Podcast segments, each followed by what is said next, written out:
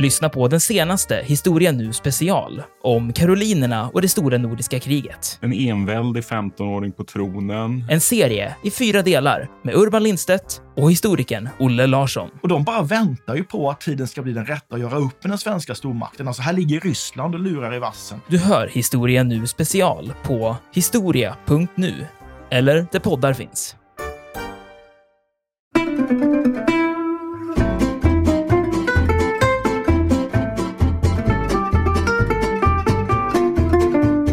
Tiden i Berlin, det blir då en, det blir en vändpunkt då i Jane Horners liv. Kanske kan man säga då att det var här som hennes tragiska öde egentligen då beseglades. För hon börjar i alla fall att trasslas in i ganska avancerad agent och underrättelseverksamhet under den här tiden. Och dessutom är det faktiskt en del som tyder på att hon i grund och botten faktiskt var en svensk agent värvad till den så kallade C-byrån av en synnerligen intressant men skugglik figur som kallades för Teddy.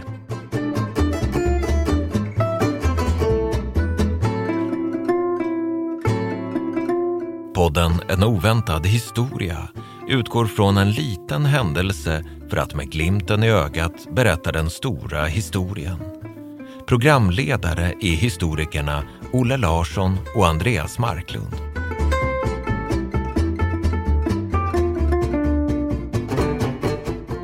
Olle! Hallå Andreas! Hur står det till? Det är alldeles utmärkt. Det är lite kallt, men det hör ju årstiden till. Ja, absolut, absolut. Men du, vi kommer att få bygga upp lite värme här tillsammans du och jag för att vi ska prata om ett eh, väldigt intressant ämne. Vi ska nämligen sätta tänderna i ett danskt-svenskt agentmysterium från andra världskriget. Ett väldigt tragiskt agentmysterium som också har dödlig utgång av allt att döma. För eh, man har faktiskt aldrig lyckats hitta kvarlevorna av den extremt fascinerande kvinna som är dagens huvudperson. Men det mesta tyder på att hon försvann i djupen av Öresund, alltså någonstans i vattenmassorna mellan Skåne och danska Själland. Någon gång under natten mellan den 19 och 20 januari 1945. Så det här är alltså en extremt dramatisk historia direkt från verkligheten. Och den har dessutom en färgstark men också ganska kontroversiell historisk aktör i centrum, nämligen Jane Horney. Eh, jag, jag, tror man kan uttala det Horney också, har jag hört någonstans. Men det, det faller mig inte naturligt, så jag säger Horney. Och det, det, det är en kvinna då som ibland har beskrivits som Nordens Matahari, som vi också har poddat om tidigare. Och det är en jämförelse som definitivt kan diskuteras, men det finns faktiskt likheter, inte minst vad gäller mytbildningen och de många konspirationsteorierna. Och det finns faktiskt väldigt mycket skrivet om Jane Horney, både på svenska och danska och på engelska. Och inte bara av historiker, utan också av journalister, deckarförfattare och andra skribenter som har velat avslöja sanningen om hennes tragiska slut och vad det var hon egentligen då pysslade med under andra världskriget. Bland annat så finns det en hel del inom genren true crime som berör Jane Horney, även där ute i poddjungeln. Men Olle, jag vet ju att du känner till dagens huvudperson. Det gör man ju normalt som svensk historiker och historienörd. Eh, men bara kort, vad har ni för relation och eh, kommer du ihåg hur du stiftade bekantskap med Jane Horney? Det kommer jag mycket väl ihåg och det var en tv-serie som gick på svensk tv. Det var 1980. 1985 i alla fall mitten på 80-talet, för jag bodde hemma fortfarande. Och eh, Som handlade om Jane Horney. Och eh, Jag minns att jag blev oerhört fascinerad. Eh, det var mycket, mycket spännande och hon såg väldigt bra ut. Nej, jag var fascinerad av hela, hela historien och jag vet att jag var mycket, mycket upprörd över slutet hur kunde man behandla denna kvinna på detta sätt? Men det, kan vi, det ska vi återkomma till. Men eh, ja, jag tyckte den var väldigt bra. Och jag har precis nu köpt en nyutkommen bok om henne eh, av Conny Palmqvist som heter En hälsning från motståndsrörelsen om eh, mordet på Jane Horny. Och eh, ja, den ska jag läsa över jul tänkte jag. Just det, vad spännande. Den där boken där Conny Palmqvist, den, han levererar en alternativ tolkning om vad det var som hände tror jag. Det kanske vi kan återkomma till snabbt här i slutet. Eh, men alltså jag, jag vill gärna understryka att jag inte heller läst den, men jag har hört om den. Jag såg inte den där tv-serien själv på 80-talet när det begav sig. Eh, för jag, jag, var, jag var lite för... Jag, jag var bara barn då. Jag var lite för liten för att få se den. Men jag har läst en hel del om den här serien. Det var ju en svensk-dansk samproduktion som också visades på DR, alltså Danmarks Radio, dansk tv. Och den skapade en massa debatt i Danmark och fick en massa kritik från bland annat tidigare motståndskämpar som menade att den var ja, fylld av faktafel. Eh, och jag har till och med läst att det kom mordhot då mot flera personerna som ingick i den här serien, alltså bakom, alltså de, folket bakom serien. Bland annat så fick då både producenten, regissören och manusförfattaren fick några slängar med sleven. Från dansk sida, inte minst. Då. Orsaken var att serien utgick från hypotesen att Jane Horner blev mördad av den danska motståndsrörelsen i samarbete med den danska militära underrättelsetjänsten i Stockholm. Alltså det fanns någon slags eh, eh officiell sanktion uppifrån. Och även då i samarbete med den brittiska Special Operations Executive som vi har pratat om tidigare. Och, och anledningen var inte att Jane Horner var tysk spion eller något liknande, utan att hon, hon satt inne på känslig information om ett hemligt samarbete mellan vissa aktörer inom Danmarks underrättelsetjänst och vissa högt placerade nazister.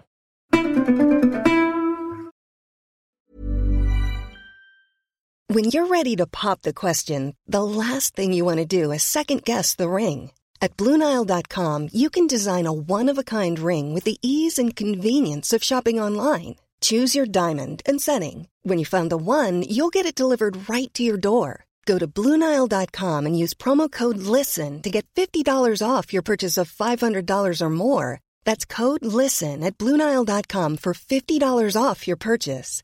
Bluenile.com code LISTEN. Life is full of awesome what ifs, and some not so much, like unexpected medical costs. That's why United Healthcare provides Health Protector Guard fixed indemnity insurance plans to supplement your primary plan and help manage out of pocket costs. Learn more at uh1.com. Many of us have those stubborn pounds that seem impossible to lose, no matter how good we eat or how hard we work out. My solution is PlushCare.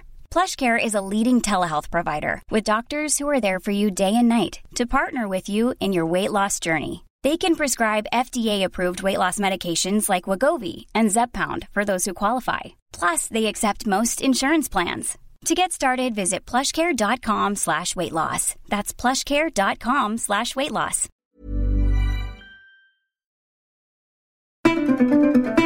Det här är ju ganska komplext. Och som i alla äkta agent och spionmysterier så är det också extremt dunkelt. Alltså det finns fler antydningar och konspirationsteorier då än empiriska belägg, om man säger så. Men jag, jag tycker ändå det är värt att gräva sig ner i fallet Jane Horney och försöka kasta lite ljus då över hennes alltför korta liv. Och vi börjar med att försöka rekonstruera hennes sista timmar i livet. Även om vi redan nu kan konstatera att det finns olika versioner av det här händelseförloppet. Och som sagt, man har aldrig hittat den döda kroppen. Så till saken, Olle. Det är den 19 januari 1945 och vi befinner oss i Malmö på en flådig restaurang. Det finns uppgifter om att det ska ha varit Grand Hotel, men jag har också läst att det, att det egentligen var Savoy. Alltså det här eleganta stället som fortfarande existerar. Jag har ätit lunch där någon gång i alla fall. Det ligger mitt emot centralstationen. Bara ett halvt stenkast från Stortorget och det här gamla fina rådhuset där Magnus Stenbock höll sitt tal till Malmöborna i nådens år 1709. Jag tror vi har touchat vid det i alla fall i något poddavsnitt Det om känns slaget Helsingborg. bekant, ja. Precis, precis. Tryggt och bra. Men den här kvällen är allt annat än trygg och bra. Vi återvänder till andra världskriget. Här sitter då vid ett av restaurangborden ett ganska festligt sällskap. Det är två kvinnor och det är två män. Jane Horney tillsammans då med tre personer ur den danska motståndsrörelsen. Dels en kvinna vid namn Bodil Fredriksen. Dels en viss Ingolf Asbjörn Lyne, allmänt känd som Lillebjörn. Plus en väldigt elegant herre med trenchcoat och Clark Gable-mustasch som heter då Sven-Åke, eller Å, Geisler. Och han är känd då som Storebjörn. Och det här gänget har då befunnit sig i Malmö ungefär två dagar när vi tittar förbi. De kom med nattåget från Stockholm eh, den 17 januari 1945. Egentligen är de på väg till Danmark där Jane Horney ska försöka rentvå sig från ja, olika anklagelser om att ha odlat allt för nära kontakter med tyskarna. Och det är då anklagelser som har cirkulerat i den underjordiska danska motståndspressen i ungefär ett års tid. Under andra världskriget så kan man naturligtvis inte bara åka hur som helst över Öresund till Danmark. Det finns ju ingen Öresundsbro än. Och på grund av krigssituationen så är det heller ingen reguljär färjetrafik. Så man får, man får förlita sig på olika typer av inofficiella kanaler, alltså hemliga smuggelrutter i nattens mörker och kanske gömma sig i lastutrymmet på någon fiskekutter eller något sånt. Det är bland annat det man pratar om under den här middagen, skulle jag tro. Och middagen verkar vara ganska trevlig, kanske till och med en aning intim, åtminstone till en början. Det är en del som tyder på. Och det är en del som tyder på att Storebjörn och Jane Horney kan ha haft någon slags romantisk relation. Vi har vissa vittnesmål som, som pekar åt det hållet. En hotellportier på Grand ska i alla fall ha sagt att han var övertygad om att Horney och Storebjörn var förlovade. Men efter avslutad middag så lämnar sällskapet restaurangen och ger sig iväg med bil i nordvästlig riktning, alltså mot Helsingborg och Kullahalvön. Eh, och enligt vissa utläggningar av det här händelseförloppet så är Jane Horney ännu lyckligt ovetande om vad framtiden bär i sitt sköte. Enligt andra så är hon redan drogad och har synliga spår av fysisk misshandel i ansiktet.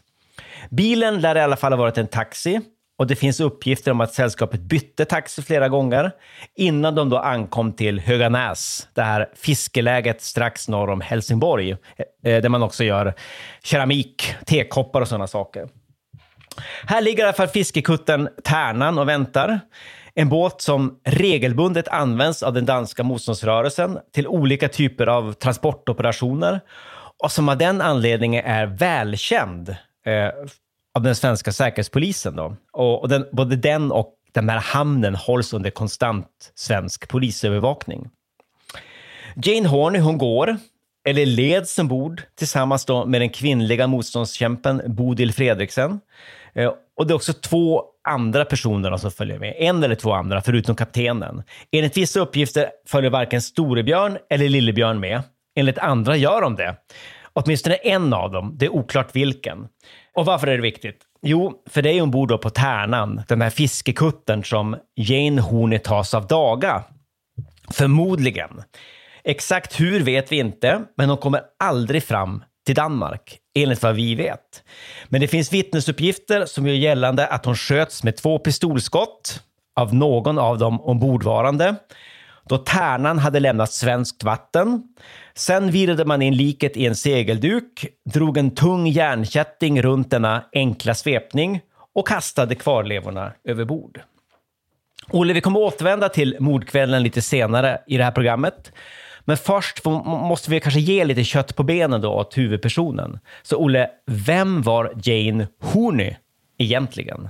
Ja, du pratade du, du sa tidigare att liknelse, eller det finns en likhet mellan henne och Matahar och det gör det ju onekligen. Alltså, båda två är ju väldigt svårfångade, eh, mystiska personer, eller så svåra att få lite grepp om väldigt dramatiska och förhållandevis korta liv. Men i väldigt kort Eh, korta drag ska man väl säga att hon hette ju faktiskt inte Jane Horney till att börja med, utan hon är ju faktiskt döpt Ebba Charlotta Horney och född då 1918. Och eh, med snabb huvudräkning så kan vi då räkna ut att om hon nu dog 1945, vilket jag tror att hon gjorde, så blev hon 27 år gammal jag skulle säga en ganska fin barndom verkar hon ha haft, eller trygg barndom i alla fall. Pappa var svensk, mamman danska, pappan civilingenjör, mamman sjuksköterska växte upp i ett religiöst hem. Eh, både, I alla fall mamman tillhörde pingstkyrkan och jag vet inte om, om pappan gjorde det också. Men sen när hon är 14 år gammal så eh, skickas hon till Storbritannien. Och tanken är att hon ska lära sig, liksom, lära sig hus, hushållning helt enkelt. Så hon hamnar på en brittisk privatskola. Och det är här som hon börjar kalla sig för Jane, det här mer engelskklingande eh, ja. namnet. Av någon Eh, anledning. Ja, för föräldrarna fortsatte ju fortfarande att kalla henne för Ebba, vilket är ganska naturligt eftersom det är Ja. de som har gett henne det namnet från början. Precis, och syskonen också. Hon heter Ebba i så familjens eh, brevväxling. Ja, hela, bara- alltså hela bara- vägen ut. Bara Jane i, i de yttre kretsarna. Och vi ser, det vi kan se, eller som man tittar på henne så i konturerna så upplever jag henne som väldigt social, utåtriktad, eh, socialt begåvad, kommunikativ, eh, språkbegåvad, talar både svenska, engelska, tyska, förmodligen också danska då med tanke på att eh, hennes mamma var danska. Ja, hon var väldigt intresserad av bilar och motorcyklar. Det tycker jag är lite, lite pittoreskt sådär. Jag kommer ju att tänka på Bang också, den här Barbro Alving, den här Ja, berömda ja, journalisten. verkligen. Alltså, Ja. eh, så. Eh, men hon var ju svårt förtjust i, i motorcyklar och eh, hon äger ju både bil och motorcykel faktiskt. Ja, precis. Hon köpte en, en motorcykel som 16-åring då, för 75 kronor. Det tror jag är hennes första egna investering. Och sen skaffade hon sig en, sån här, en Ford Model A som 18-åring. Och det var ganska flådig kärra då. Alltså det, den kom i slutet av 20-talet då den ersatte då den här klassiska T-Forden. Så den hade verkligen alltså ett, ett väldigt aktivt motorintresse. Och deltog också i så här motorsportstävlingar i hela Norden. Ja, och så verkar hon också haft någon form av samhällsengagemang eller ja, engagemang för staten. För hon är ju med i den här frivilliga försvarsorganisationen som från början hette Svenska Röda Stjärnan och så sen bytte namn till Blå Stjärnan. Och det är ju slags, eh, vad ska vi säga, djurens motsvarighet till Röda Korset. Alltså det är de som ska ta hand om djurhållning i händelse av krig och så. Så hon har ju det här, ett slags socialt patos också. Och sen kommer hon ju till Danmark. Hon flyttar till Köpenhamn när hon är 19 år gammal och börjar jobba som bartender. Serverar på en restaurang som heter Shanghai. Och det här är ju ett ganska, ganska ruffig del av Köpenhamn som hon vistas i. Präglad av eh, otäckheter som droghandel och prostitution och, och dylikt. Men hon, hon, hon får ju alltså, hon har ju goda vänner här också. Hon är ju förtjust i, i, i, i att resa också. Hon kommer ju faktiskt till Grönland. Det tycker jag är fantastiskt. Eh, Att hon åker just till Grönland av alla ställen. Eh, går ju också maskinskrivningskurs. Alltså hon har väldigt många strängar på sin lyra och blir ju faktiskt publicerad. Med, hon publicerar ju texter om sin resa till Grönland. Ja, så här små resereportage va? I Så hon slags... är onekligen en mångförfaren eh, ung Ja. kvinna. Ja, verkligen. Eh, nej, men jag tycker hon är jätteimponerande. Det är intressant att följa hennes, eh, vad ska man, hennes tidiga år. Men hon börjar skriva, hon åker på någon slags kombinerad nöjes och arbetsresa till Grönland, förmodligen då från Köpenhamn. Och sen när hon kommer tillbaka till Stockholm och går någon slags maskinskrivningskurs så börjar hon skriva texter då om sina grönländska upplevelser och det blir till artiklar i Stockholmstidningens söndagsbilaga. Och snart så uppstår det tycke mellan henne och redaktören för Stockholmstidningen, en viss Herje Granberg, som hon då gifter sig med i, eh, i Bromma kyrka 1939 då, som, eh, då är hon väl ungefär 21 år gammal. Alltså ganska tidigt äktenskap. Och sen hösten 1941 så flyttar det här paret då till Berlin Eh, då Harry Granberg skickas iväg då som krigskorrespondent av den då nazivänliga tidningen Aftonbladet. Och tiden i Berlin, det blir, då en, det blir en vändpunkt då i Jane Horners liv. Kanske kan man säga då att det var här som hennes tragiska öde egentligen då beseglades. För hon börjar i alla fall att trasslas in i ganska avancerad agent och underrättelseverksamhet under den här tiden. Och dessutom är det faktiskt en del som tyder på att hon i grund och botten faktiskt var en svensk agent. Värvad till den så kallade C-byrån av en synnerligen intressant men skugglik figur som kallades för Teddy. Teddy Ternberg. Olle, kan du kanske påminna våra lyssnare om vad C-byrån var för något? Det har vi liksom nämnt i tidigare avsnitt. Men, men också lite grann om den här mystiska Teddy. Vem var han? Teddybjörnen Fredriksson. Jo, men det ska jag gärna göra. Vi har ju, vi har ju varit på T-byrån tidigare, både du och jag, i olika sammanhang. Och det, är ju, det här är ju, C-byrån är ju helt enkelt det är den svenska eh, militära underrättelsetjänsten, kan vi säga som grundas 1939 i samband med krigsutbrottet. Eh, och det är alldeles uppenbart då att Sverige behöver en modern underrättelsetjänst då för, som kan eh, tillvarata svenska intressen, eh, snappa upp saker som kan vara av betydelse för Sveriges säkerhet och för det svenska försvaret. Eh, kan jobba lite grann utanför det som kallas för det så kallade protokollet, att gärna då tänja lite på, på gränserna för vad som är lagligt och moraliskt rätt och riktigt. Och det är ju det som är C-byråns verksamhet, att delvis i alla fall använda sig av illegala metoder för att samla in information. Och eh, den kallas från början för G-byrån, som är gräns. Eh, det är så här gränsbevakning den ska syssla med, eller värnandet av Sveriges gränser. Men blir ju sen C-kontoret och det är det den är känd som, uppkallad då efter sin chef.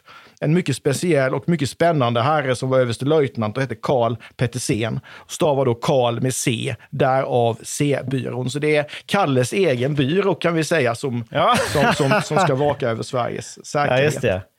Och vem var den där Kalle då? Vad vet vi om honom? Jo, men han har ju varit militärattaché i Berlin.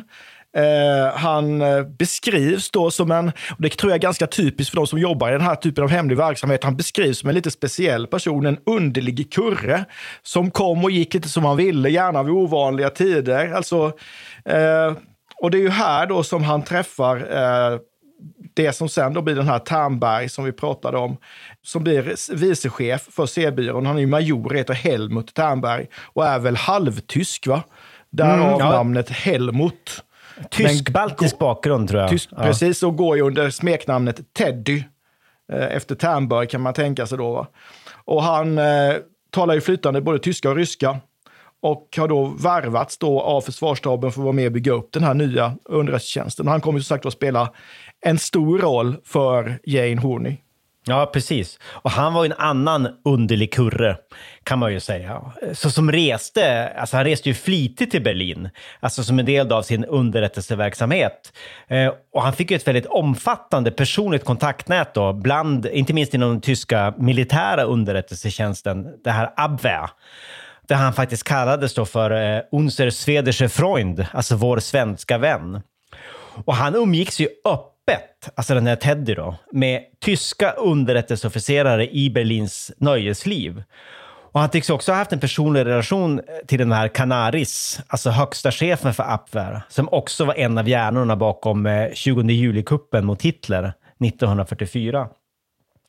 Teddy Ternberg fick då, genom de här kontakterna, fick han då till, han fick ett särskilt pass med så här Abwehrstämplar som gjorde att han, han, kunde resa fritt omkring i hela Tyskland på ett sätt som ingen vanlig tysk medborgare kunde göra. Och det använde han då till att samla in information om tyska och säkerhetspolitiska förhållanden då för C-byråns och Sveriges räkning. Men för att återkoppla då till dagens huvudperson, du var lite inne på det här tidigare, så var det alltså under en av dessa Tysklandsresor då som major Teddy Ternberg kom i kontakt med Jane Ebba Horny. Olle, vet vi någonting om hur det här kan ha gått till? Det verkar ju troligt att han kommer i kontakt med Jane via hennes man, som då var journalist som sagt var på, på Aftonbladet. Och Tandberg känner ju honom sedan tidigare. Eh, han har ju själv då jobbat för Aftonbladets ägare som heter Torsten Kryger. Och sen är det ju så att Aftonbladet är ju en lite suspekt tidning under kalla kriget, eller under andra världskriget, just på grund av att den är eh, tyskvänlig. Och man kan då tänka sig att eh, underrättelsetjänsten gärna höll ett öga på den här tidningen. Och sen så träffas ju då naturligtvis eh, både Teddy Ternberg och eh, Jane Horney är ju eh, partylejon, eh, tycker om att gå på krogen och svänga en bägare eller två. Och eh, man tänker kanske inte på det, men Berlin under krigsåren innan det blir riktigt illa är ju faktiskt något av en europeisk nöjesmonopol fortfarande. Med ett ganska så avancerat och eh, intensivt eh, nattliv. Så de träffas ju här ute i svängen, som man skulle säga. Och det har ju påståtts också då att eh, den här Herje Granberg, Janes man, anlitar då Teddy som någon slags förkläde när han själv är ute på resor. För han är väl, han är ju betydligt yngre än henne. Han är väl 15 eller förlåt, mycket äldre än henne. Han är, han är väl 15 år äldre än vad Jane är. Hon, han litar väl inte riktigt på henne, att hon är ju väldigt tilldragande och sådär vad hon ska hitta på ute i det pulserande nattlivet i den tyska huvudstaden när han själv inte har möjlighet att vara närvarande. Så Precis. kanske fungerar den här eh, Teddy som någon slags överrock. Ja, just det, precis. På uppdrag av en svartsjuk äkta man. Just precis. Så. Och hon lämnar ju faktiskt då sin man. Hon lämnar ju då den här Herje Granberg 1943 och flyttar tillbaka till Stockholm. Och förmodligen var hon ju redan då värvad som agent åt C-byrån via Teddy Ternberg. Och fick, hon fick alltså kodnamn nu. Hon fick ett agentkodnamn, Eskimo, vad hon kallas, på grund av sina kopplingar till Grönland. Och hon tycks ha ingått då i Teddy Ternbergs ganska omfattande stall, eller personalgrupp då. En särskild eh, personalgrupp som kallades för, för svalor, eller sirener. Och det var då en grupp kvinnliga agenter, ofta väldigt unga kvinnliga agenter, som fick det fullständigt livsfarliga uppdraget att försöka inhämta information från de krigsförande parterna genom att inleda personlig kontakt med utvalda aktörer. Alltså höga officerare och diplomater, men också då andra agenter och motståndsfolk och spioner och liknande halvskumma aktörer som drogs till Stockholm under andra världskriget. Och tanken var ju här att de skulle spela på sin kvinnlighet. Det här är ju det som i agentkretsar kallas för lite grann av honungsfällor att eh, inleda egentligen relationer med de här intressanta personerna för att se vad man kan få ut av dem, till exempel under stunder av intimitet. Men Jane var ju en av de här eh, svalorna, en väldigt begåvad sådan. Hon såg som sagt var väldigt bra ut. Hon var charmig, hade lätt att umgås, bra, lätt att vinna förtroende. Alltså hon var, hon var populär och hon, hon är ju också en mycket effektiv underrättelseagent och rapporterar ju flitigt till den, den svenska C-byrån då, där hon eh, då eh, rapporterar under sitt kodnamn, och det här Eskimo, taget då från, från, från, eh, från, från Grönlandsresorna. Mm -hmm.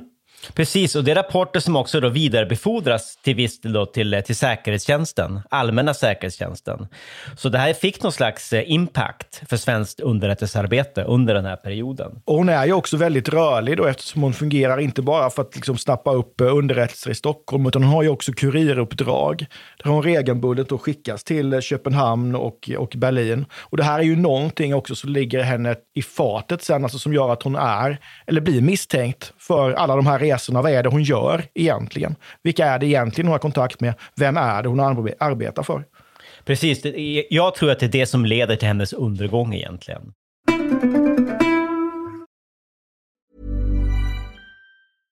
Hej, jag Ryan Reynolds. På Mint Mobile, we like to do the opposite of what Big Wireless does. They charge you a lot. We charge you a little. So naturally, when they announced they'd be raising their prices due to inflation, we decided to deflate our prices due to not hating you. That's right. We're cutting the price of Mint Unlimited from $30 a month to just $15 a month. Give it a try at mintmobile.com slash switch. $45 upfront for three months plus taxes and fees. Promote for new customers for limited time. Unlimited more than 40 gigabytes per month. Slows. Full terms at mintmobile.com.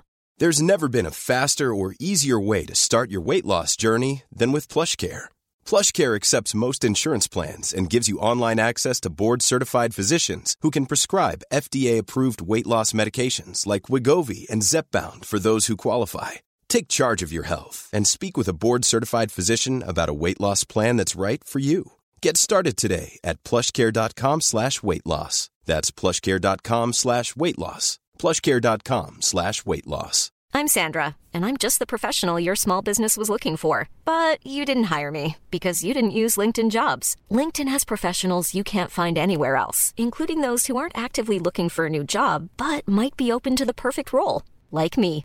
In a given month, over 70% of LinkedIn users don't visit other leading job sites. So if you're not looking on LinkedIn, you'll miss out on great candidates like Sandra. Start hiring professionals like a professional. Post your free job on linkedin.com/people today.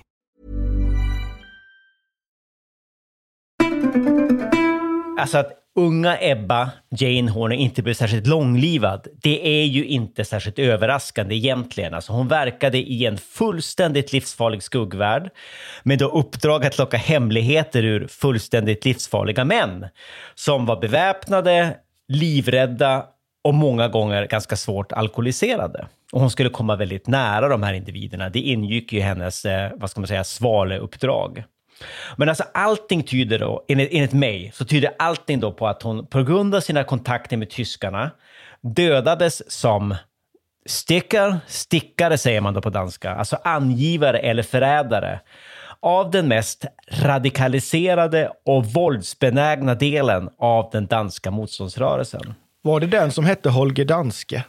Ja, de var involverade. Ja. Eh, Men det var också en grupp som hette de som höll i pistolen kom från en, en gren som hette Studenternas eh, underrättelsetjänst, eller Studenternas efterrättningstjänst.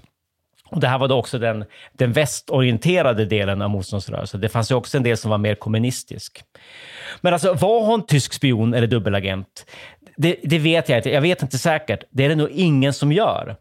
Men det finns inga belägg för att hon ska vara den där typen av spion eller angivare som liksom sålde ut danska motståndskämpar och, och judar åt nazisterna. Sådana fanns ju också i Danmark under den här tiden. Men Jane Horney verkar inte ha varit en av dem.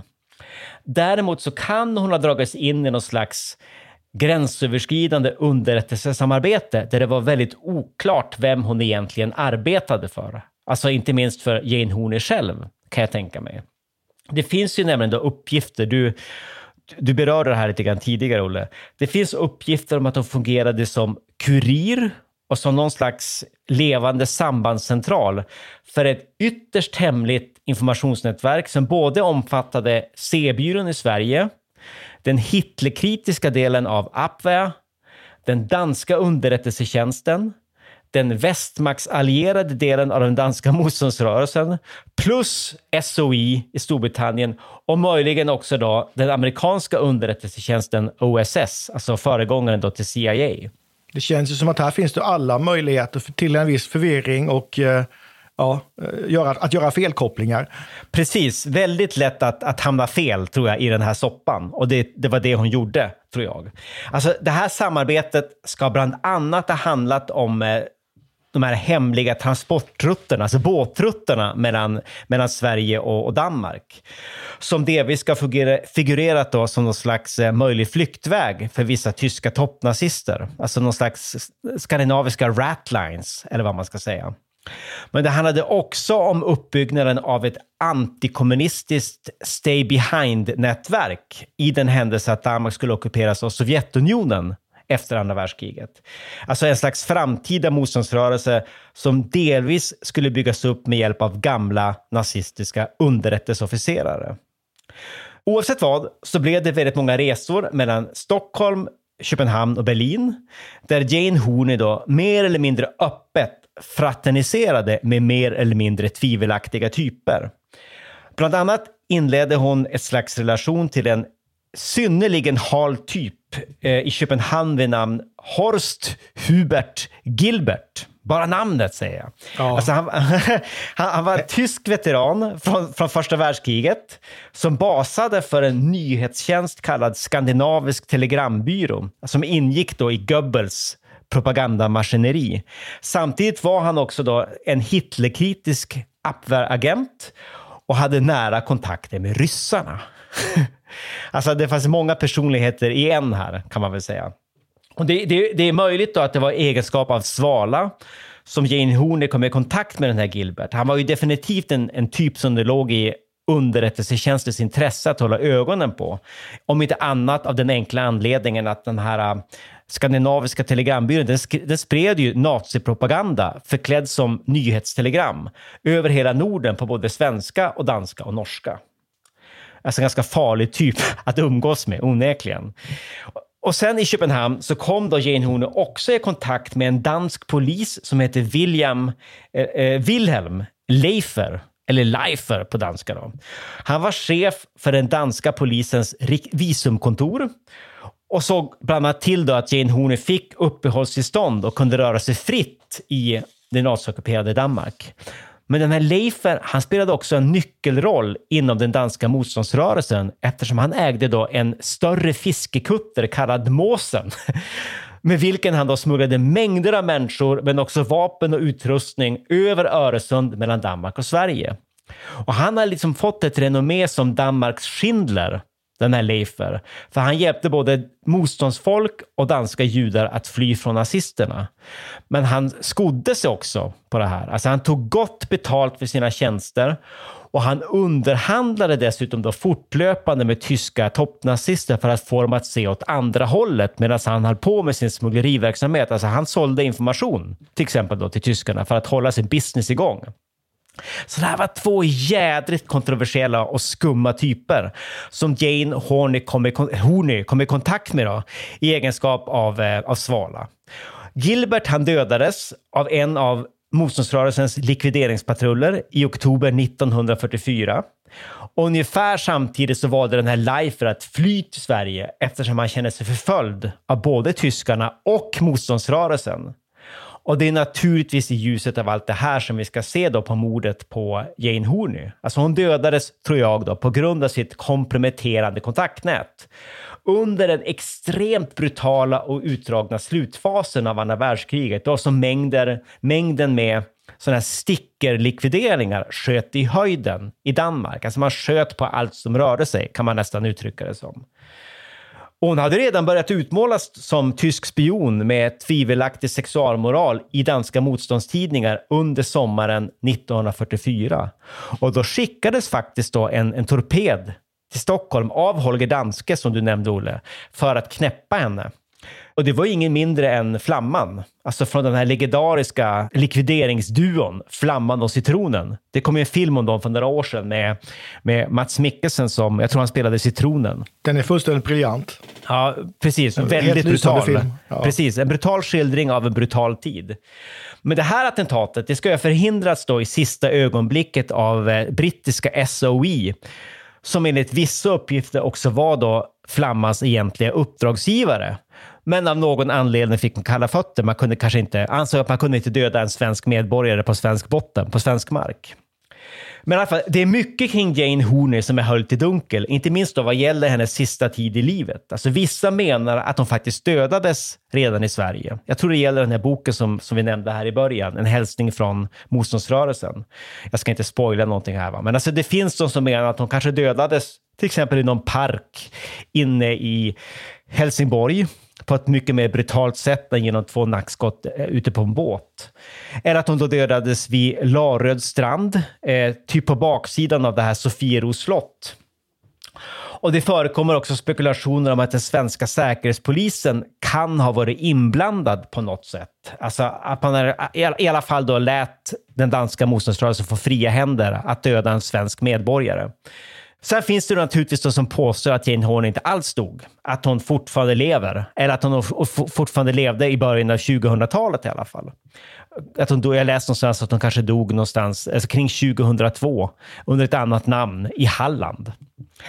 Men vad tror du, Olle? Har du någon hypotes om vad som egentligen då hände med Jane Horney? Och tror du att vi någonsin kommer att få säker kunskap om vad hon egentligen höll på med under andra världskriget? Det här är ju jättesvårt. Om vi tar det från, från slutet. Jag tror aldrig att vi kommer få veta säkert vad som hände med, med, med Jane Horney. Det tror jag inte. Eh, om det inte finns något arkiv någonstans där det finns handlingar som skulle kasta nytt ljus över detta. Jag vet inte. Eh, men möjligtvis det, det skulle vara det i så fall. Men jag tror, precis som du nämnde förut, att hon, hon föll offer för den danska motståndsrörelsen. Att det var de som likviderade henne. Och det som eh, gjorde att hon blev misstänkt var hennes alltså väldigt, väldigt breda kontaktnät med väldigt många olika märkliga människor som kunde nog uppfattas som att de hade tvivelaktiga lojaliteter. Att det var svårt att sätta fingret på på exakt vem är ond och vem är god. Och i den här röran då så råkar hon ut för en sån här likvidering eh, eh av, de här, av danska motståndsrörelsen som tar det säkra för det osäkra. Man vet inte riktigt vilken information hon sitter inne med. Och ja, då bestämmer man sig för att släcka henne, som det heter på branschspråk. Precis, alltså hon hade setts i närheten av tyska toppnazister ett antal gånger och det räckte för en dödsdom. Under den här extremt brutala fasen av andra världskriget. Det tror jag. Jag tror att det här var baserades på som sagt ett komprometterande kontaktnät, allmän brutalisering, kanske också en, en dos eh, misogyni, alltså kvinnofientlighet eh, och, och en lång radda med missförstånd. Sen tror jag att hon jobbade för den svenska underrättelsetjänsten. Eh, Det var egentligen det som var hennes riktiga hemvist. Och vi vet ju också då att den svenska underrättelsetjänsten faktiskt utnyttjade de här så kallade svalorna i sekreterarklubben till exempel. Eh, ganska så eh, hänsynslöst faktiskt. Mm, absolut. Operation Eskimo. Just det. Hon föll i tjänsten, kanske Ja. man kan säga. Ja. På något sätt. Ja. Ja, men Olle, ett, ett tragiskt men väldigt fascinerande fall får man väl säga. Mycket fascinerande. Ska vi säga att vi slutar där för idag? Ja, men det gör vi. eh, Det ses gör vi. senare. Ja. Ha det så bra. Detsamma. Vi ses. Ha det bra. Hej, hej. hej, hej. Vi tackar programledarna Olle Larsson och Andreas Marklund. Kontakta gärna Olle och Andreas på ovantad@historia.nu. Vi läser allt, men hinner kanske inte alltid svara.